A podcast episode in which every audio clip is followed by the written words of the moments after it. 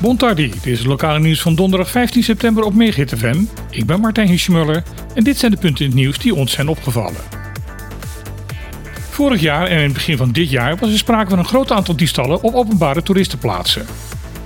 Op bekende plekken zoals Thousand Steps, Altamira en Cerro werden gedurende deze periode diverse keren geld, telefoons en andere kostbaarheden uit de daar geparkeerde auto's ontvreemd. Toen op 28 maart van dit jaar uiteindelijk de verdachte TM werd gearresteerd, daalde het aantal van dit type berovingen plotseling naar nul. Volgens de politie werd de arrestatie van TM mogelijk gemaakt na intensief speurwerk, waarbij zelfs telefoons werden afgeluisterd. Dat het zoveel moeite kost om de verdachte in beeld te krijgen is eigenlijk opvallend. M was namelijk erg open over zijn daden en postte foto's op social media van hem met gestolen goederen. Hij sprak daarnaast berichten in dat niemand hem kon pakken. In dat laatste vergiste hij zich dus. M stond terecht voor het plegen van 13 strafbare feiten en is gisteren door het gerecht in eerste aanleg veroordeeld tot 7,5 jaar gevangenisstraf. De politie in Bonaire gaat opruiming houden. De ruimte waardoor de politie in beslag genomen spullen worden opgeslagen raakt vol en moet nodig worden leeggeruimd. Niet van alle goederen die in de opslag zijn opgeborgen is het bekend wie de eigenaar is. Daarom roept het Korps Politie Caribisch Nederland iedereen op die denkt dat er spullen in de opslag liggen waar hij of zij de eigenaar van is, dit aan de KPCN te melden.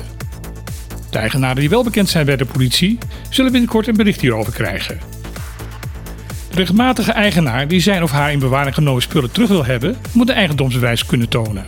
Daarnaast moet de eigenaar van een voertuig kunnen aantonen dat er wordt beschikt over de juiste papieren om een voertuig te mogen besturen, zoals een rijbewijs en geldige verzekeringspapieren.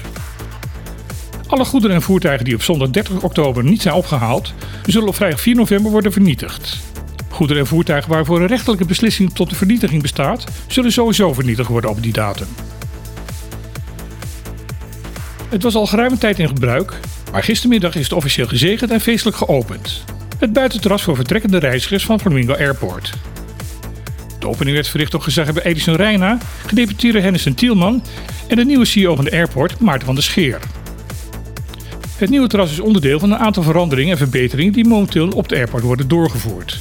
De komende twee jaar zullen er nog meer vernieuwingen rond de luchthaven gaan komen. Zo worden de platformen voor de vliegtuigen verbeterd, wordt de terminal uitgebreid, zal ook de aankomsthal worden vergroot en zal het restaurant van de luchthaven worden gerenoveerd. Daarnaast zal de baanverlichting worden verbeterd ten behoeve van de veiligheid van de aankomende en vertrekkende toestellen. Voor de hele operatie is een bedrag van 20 miljoen uitgetrokken.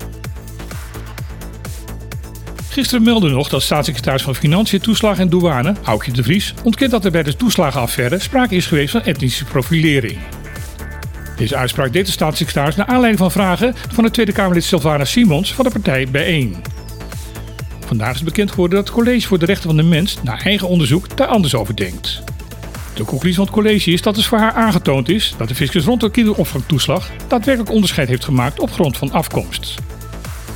Het onderzoek laat zien dat gemiddeld over de jaren 2014 tot en met 2018 mensen met een andere afkomst 4,5 keer vaker op de zwarte lijst van de belasting terechtkwamen dan mensen met een Europees-Nederlandse afkomst. In 2020 heeft de Belastingdienst beloofd dat zij alle oordelen en gevolgtrekkingen van het college zal erkennen en opvolgen.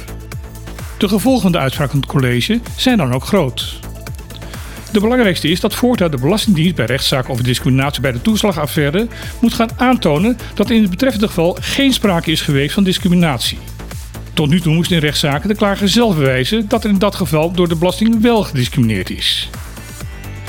Door de nu door het College van de Rechten van de Mens opgedragen omgekeerde bewijslast zullen veel meer gedupeerden hun rechtszaak tegen de Belastingdienst gaan winnen en daarmee aanspraak kunnen maken op verdere compensatie. Dit was weer het lokale nieuws op Megahit FM. Ik wens u nog een hele fijne dag en graag tot morgen.